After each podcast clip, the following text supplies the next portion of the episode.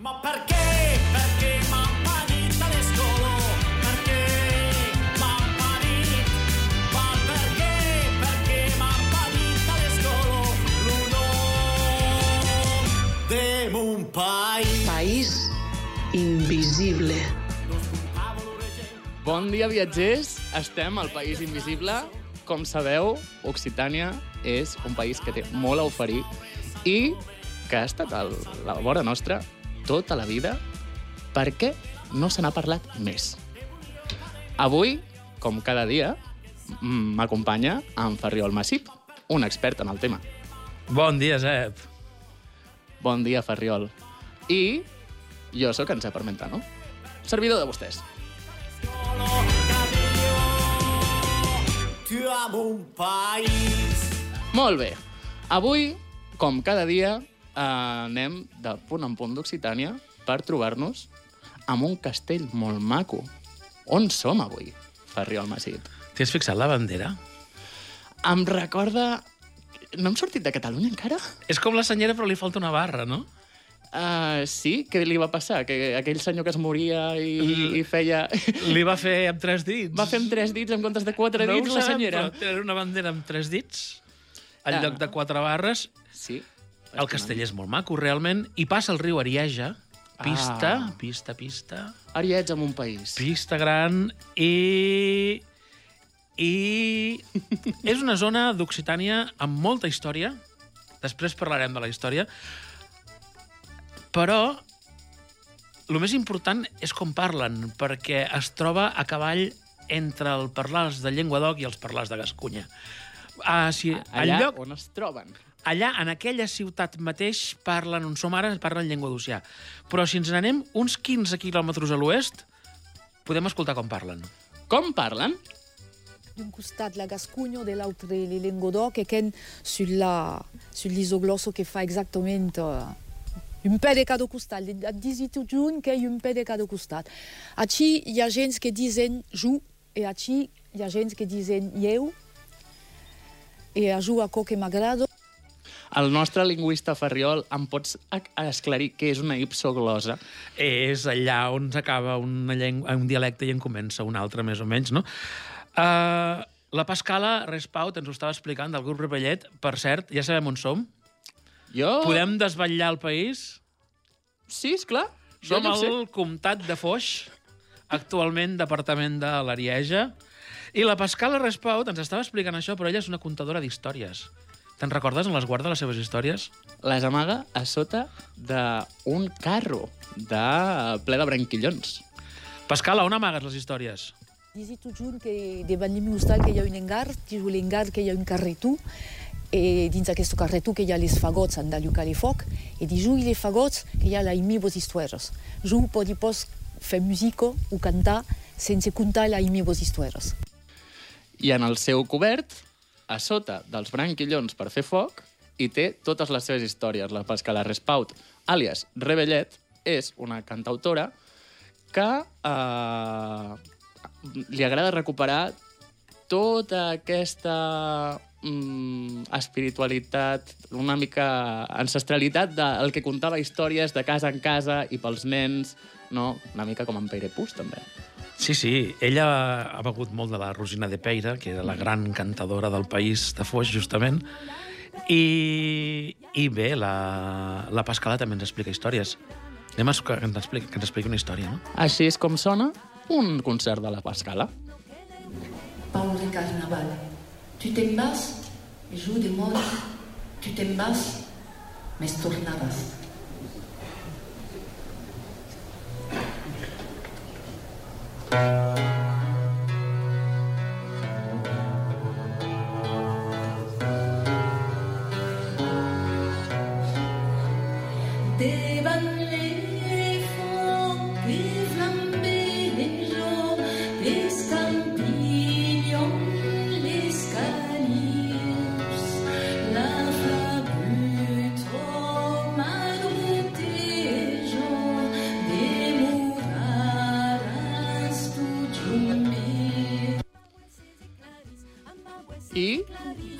La Pascala de fons passarem a veure què diuen les xarxes avui.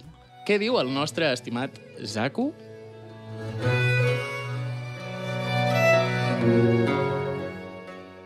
Bon dia, nois, bon matí. Tornem a ser aquí una setmana més per llegir els comentaris que ens heu enviat des de les xarxes socials. Comencem per Instagram, d'on José Riu, des d'Alacant, que ens diu que són molt sexis. José, ens faràs posar vermells. Moltíssimes gràcies pels teus elogis, bonic. Continuem a Instagram. Tenim un comentari d'en Carles Velda que ens diu Ja tinc aclarits els caps de setmana. Els divendres el podcast de l'Anna Geli i els dissabtes el vostre. Els diumenges per rumiar-hi. Tens tu tota la raó, Carles. No podeu faltar tampoc el podcast que fa l'Anna Geli, Sons Occitans, a Catalunya Ràdio, és imprescindible. Recordem que en Carles va ser la primera persona que vam entrevistar en aquest podcast, en l'episodi 1, i que és l'ànima del projecte 12 Brigada Internacional, que són els que posen sons i música al nostre podcast, El País Invisible. Continuem a Instagram amb l'historiador Dani Cortijo, cantant seguit per Catalunya Ràdio i BTV, i pel seu blog Altres Barcelones. Ens dona un follow incondicional. Moltíssimes gràcies, de veritat. En el mateix post tenim l'Albert Kleiner, que ens comenta Meravella, amb tres cors verds. Això ens fa posar molt vermells, de veritat. I la Rossi ens diu, bellos com sempre. Si ho diu ella, que és una professional de la bellesa, és que realment devem ser molt guapos. Gràcies. Passem a Facebook. Tenim molt poques comparticions aquesta setmana a través del Facebook. Digueu-nos més cosetes per allà, que us volem llegir. Però podem destacar com s'ha currat en Quim Valls, que ens fa servir el traductor per escriure'ns en occità i dir-nos que estem fent molt bona feina. Moltíssimes gràcies per aquest comentari. Passem cap a Twitter. Tenim el Caoc, fa un esment a la nostra entrevista en Jaume Figueres, un dels més grans experts de la literatura occitana, que parla sobre Joan Budó, l'escriptor més important de les lletres occitanes del segle XX. Moltíssimes gràcies per aquesta menció que ens heu fet. D'altra banda, tenim a la Laia Vera, aquest cop ens diu molt fan de com en Jaume Figueres i Trubull descriu la preocupació d'en Budon. Continuem, tornem a tenir els nostres amics del podcast Explica'm, Tresor. Ens torna a fer una cocada d'ull. Aquest cop ens diu, literalment, Bonicos, us pico l'ullet perquè haurem de parlar quan estiguem una miqueta més lliures de tasques. Estem esperant impacients, de veritat. D'altra banda, tenim a la Carme Mentano, que és enginyera computacional experta en occità, i ens ha fet posar vermells amb tot el que ens ha dit. Ens diu, magnífic podcast sobre el país veí de cap al nord, de la mà dels grans Oi Farri i d'en Cep Armentano. Carme, i d'en Saco també, també hi sóc aquí. Recordeu-vos de mi, sisplau. I ens diu, moltes ganes d'escoltar el tercer capítol. I nosaltres, de que ens escoltis. Continuem. Provença de Senestre ens recomana i ho fa, evidentment, en provençal. Tenim també per aquí, per acabar de tot, en Carlos, que ens recorda una cagada que vam fer en el primer episodi, quan ens vam equivocar en el rètol, quan vam rotular a, a la Imma Covet com a Elvira Riu, la pediatra que ha tingut cura de tots els nens aranesos i que ens belluga com ningú per l'aranès. Ens sap molt de greu perquè aquesta rata ens pot passar, som humans, de tant en tant ens podem equivocar. Des d'aquí un petó molt fort a l'Elvira, com a la Immaculada, i un altre per tu, Carlos. Per acabar, no vull acomiadar-me de vosaltres sense recordar. Cada setmana tenim un nou mod a la nostra web, en el joc del mod amagat. No sé si, si ho han endevinat ja, la paraula d'aquesta setmana, però avui tornem a tenir una de nova. Us animo des d'aquí a que feu el joc i ho compartiu per les xarxes socials, però eh, no feu spoiler de la paraula. A reveure!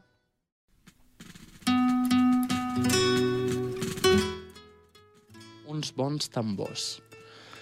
Gràcies, Zaku, per la teva aportació, que sàpigues que no t'estàvem escoltant. Era massa important ballar a l'estudi. Em sembla que el Ferriol s'està mossegant la llengua. Si us plau, digue'm, company. Em sortirà sang de la llengua. Uh, anem a parlar de la història d'aquest país, però no ho podem fer sense el gran historiador del País de Foix. Uh, perfecte. Avui, per parlar de la secció d'història, tenim amb nosaltres en Patrici Pujada, que és historiador, catedràtic a la Universitat de Perpinyà, membre del Consell Lingüístic, bueno, perdó, Congrés Permanent per la Llengua Occitana i uh, també uh, està a l'Institut d'Estudis Aranesos i a l'Institut d'Estudis Catalans a la secció d'Història. És un llarg currículum per una persona mm, ben coneguda, de, que a més a més és nascut d'aquesta regió. Bona... Bon dia. Sí? Bon dia, Patrici. Bon dia, Patrici. Bon dia, bon dia. Bon dia, sa. Se'm fa estrany parlar en català, ara Sí, sempre parlem sempre en hem parlat amb, amb occità nosaltres. Uh, bé, uh, Ah, bueno, havíem trucat des d'aquí, des del País Invisible, perquè volíem una mica conèixer la història del comtat de Foix i com realment la història d'aquesta d'aquest- d'aquesta encontrada occitana eh, marca una mica eh, tot el que és la, la... És molt important per la història d'Occitània en general. El comtat de Foix. Sí, Sí, sí, és molt important perquè és una part de, de, dels països occitans i és una part també del sud dels països occitans molt arrelat, en fi, molt eh, vinculat més aviat amb Catalunya i gairebé podríem dir que, que és una gairebé una part de Catalunya també, en fi, gairebé una part de Catalunya o del nord de Catalunya, que va tenir un recorregut molt, eh, molt llarg, efectivament, fins a la seva desaparició, si es pot dir així, eh, dins el regne de França, malauradament, a partir del segle XVII, quan el- l'últim comte de Foix va esdevenir eh, rei de França també, que era rei de Navarra, i va esdevenir eh, rei de França. Però abans d'això, ben segur, el comtat de Foix i els comtes de Foix, i eh, per nosaltres, per exemple, un nom com Gastofebus, és un nom molt, eh, molt important de la història del comtat de Foix. Aquesta, aquesta dinastia dels comtes de Foix va, va jugar un paper molt destacat dins de la, la història d'aquest sud, es pot dir, eh, occità, entre el comtat de, de, de Tolosa, precisament, a Llenguadoc, perquè el comtat de Foix no és Llenguadoc, eh, això s'ha de dir i s'ha de tornar a dir, entre el Llenguadoc, el comtat de, de, de Tolosa i també Catalunya. És, una, és un petit país, el comtat de Foix, però un petit país que, que, que, va, que va jugar un paper molt, molt important i que va mantenir encara eh, després de la- de l'annexió francesa de Llenguadoc, va mantenir la seva independència i després autonomia fins al segle XVII. de fet, els colors de Foix són a l'escut d'Andorra. Les colors de, de, de fo, els colors de Foix són uh, els colors catalans uh, amb una barra, amb una barra menys perquè, sí. perquè els catalans tenen una barra més Tenim molta barra. i a la, a la, a la bandera eh, d'Andorra hi ha les colors de Foix, els colors de Foix també i altres coses. Eh, també hi ha les vaques bearneses a a l'escut d'Andorra, de la bandera d'An- d'Andorra, perquè eh, els comtes de, de Foix van també esdevenir eh, reis de Navarra i Navarra també és Bearn. Si, si tornem encara més endarrere en el temps, Sí. Uh, en, aquesta, en, aquest, en aquest comtat, eh, bueno, aquest país és on, es va, on va viure un dels episodis més mítics de la creuada contra els càtars. Ah, estem parlant de la història del setge Del setge de Montsegur. Ah, el setge de Montsegur és, és més complicat per, perquè Montsegur no formava part exactament del comtat de Foix, eh? Mm. Eh, en fi, en un moment donat potser, però fa, fa molt de temps, però no, no voldria dir una, una bajanada, però em sembla que al moment de la, la creuada eh, ja no formava part de la creuada, perdó, eh, no formava part de la comtat de Foix, em sembla, però sí, és molt a prop, de totes formes, si no en formava part, però no vull dir bajanades, eh? eh, perquè és un episodi, el 1244, eh, molt, molt important, ben segur, de la... que, que és després, eh? La, la, la creuada ja s'havia acabat, eh? en aquest moment, Sí, sí, però, és, el, és el capítol però final. continuava, continuava la lluita contra els càtars i contra també els, els occitans eh, de- d'aquesta zona, ben segur, eh, abans de l'annexió del, de, del Llenguadoc, precisament, al, regne de França. No podem acabar la conversa amb en Patrici Pujada, que sí que l'hem trucat en tant que historiador, però com a membre del Consell, del Consell Lingüístic del Congrés Permanent de la Llengua Occitana i de l'Institut d'Estudis Aranès i Acadèmia Aranesa de la Llengua Occitana, ens agradaria parlar també del teu paper. Ets de l'Institut d'Estudis Catalans i ets de les dues principals acadèmies de la llengua occitana. Sí. Uh, quina tasca fem i com ho tenim el... Vull dir... Per la normalització de per la, l'idioma. no- sí, més que la normalització, la normativització. La, Normativització. perquè la normalització som una mica lluny encara, però hi treballem. La normativització de, de la llengua occitana, és això?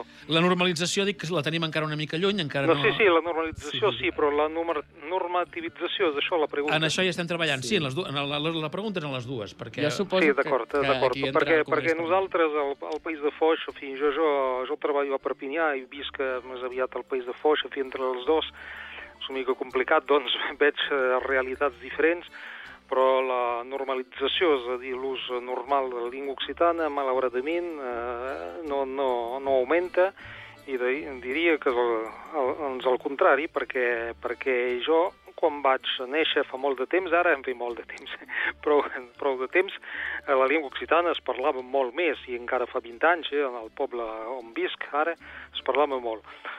La normativització és una altra cosa, eh, avança a poc a poc també, però ja, ja crec que la feina s'havia fet fa molt de temps, eh, precisament a partir de, del final del segle XIX i del començament del segle XX, amb eh, Prosper Estiu, que va morir precisament a, a Pàmies, al País de Foix, i, i Lluís Alibert també, i, i, de, i de, després amb l'Institut d'Estudis eh, l'Institut d'Estudis eh, hi va haver tot, tot una feina de, sobre la, la, la norma, normativització i tot això, però el que es falta, efectivament, eh, és la socialització de la llengua occitana i això és una, una tasca molt, molt pendent, però que s'ha de fer des del, crec, eh, del, des del caire polític. Eh? Això és una, una feina política de, molt important.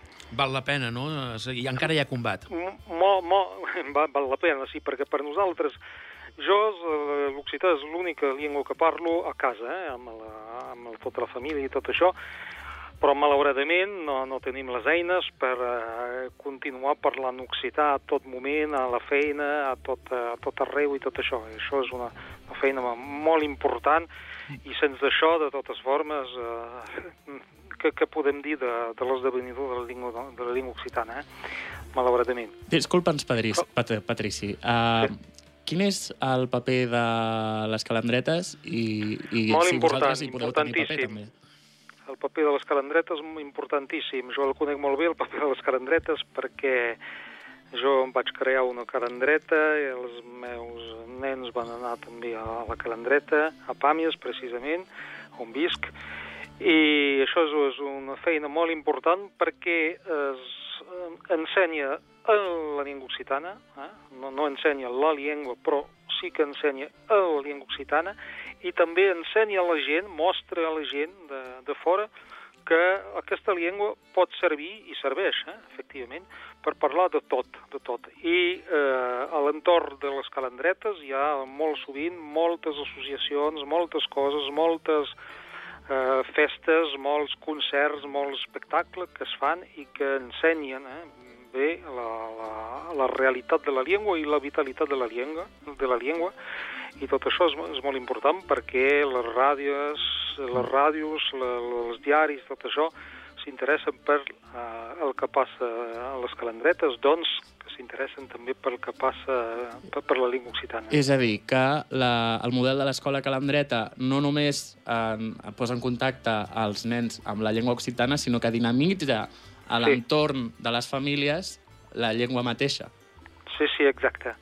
Dinamitza molt i eh, té, té també un, un efecte molt important per a les famílies perquè hi ha moltes famílies que tenen els avis, per exemple, o els pares, algunes vegades, que coneixen una mica de la llengua occitana o que parlen una miqueta i doncs quan tenen els nens a la calendreta ja comencen a, a parlar més i tot això, i algunes vegades també, i molt sovint, eh, van a classes els pares, eh, els pares els mateixos a classes d'occità, i doncs dinamitza molt, molt, molt, sí, sí, a l'entorn.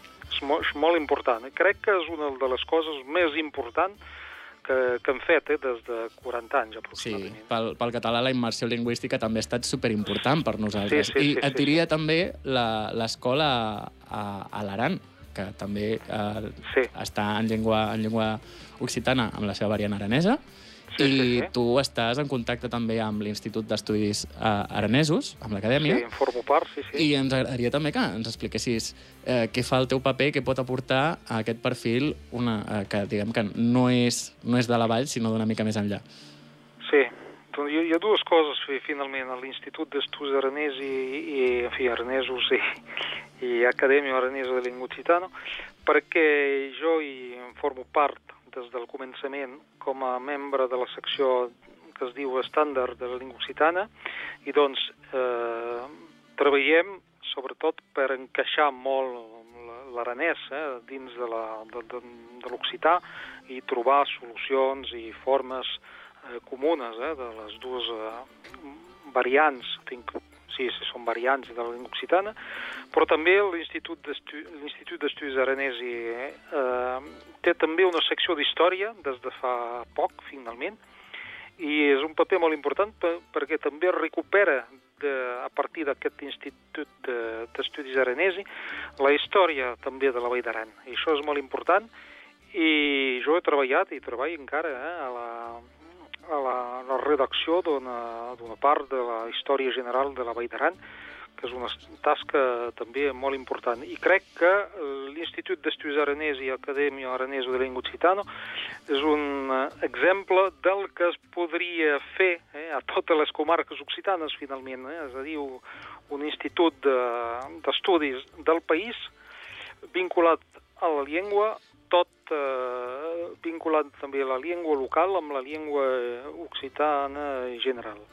Uh, al teu parer, uh, creus que l'Institut... Uh, perdó, la Càtedra d'Estudis uh, Occitans uh, no hauria de ser? Lleida. No hauria, eh, clar, eh, està una, potser una mica lluny de, de la vall. Eh, aquest model eh, l'estàs veient funcionar? Creus que, eh, creus que està...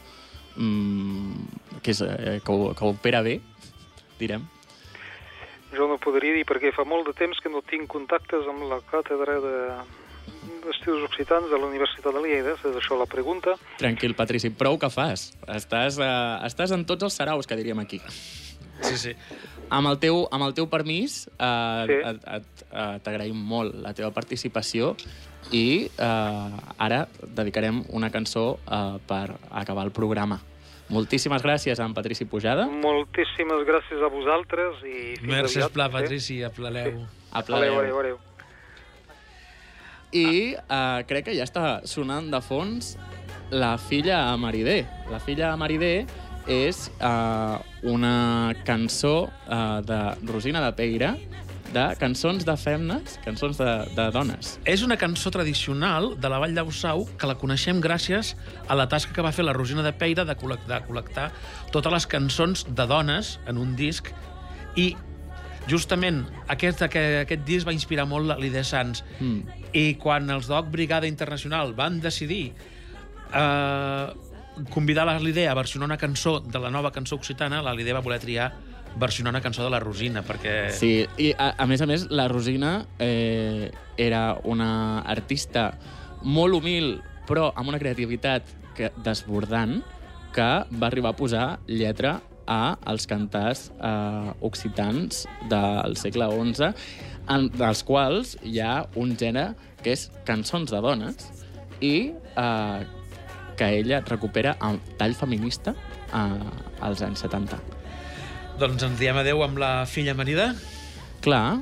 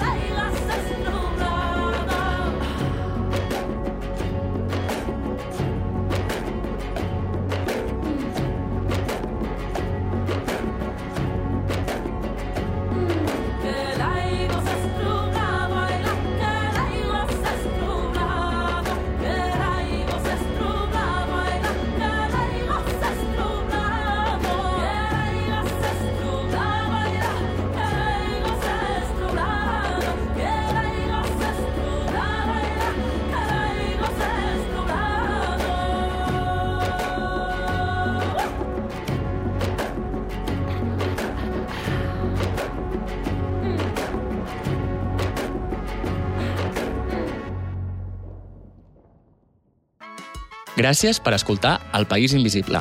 Seguiu-nos a través de la web paisinvisible.cat i participeu a través del nostre Twitter, Instagram, TikTok i l'estrena cada dissabte per Facebook Live. Creat per l'Associació per la Difusió d'Occitània a Catalunya, amb el suport del Departament de Cultura de la Generalitat de Catalunya.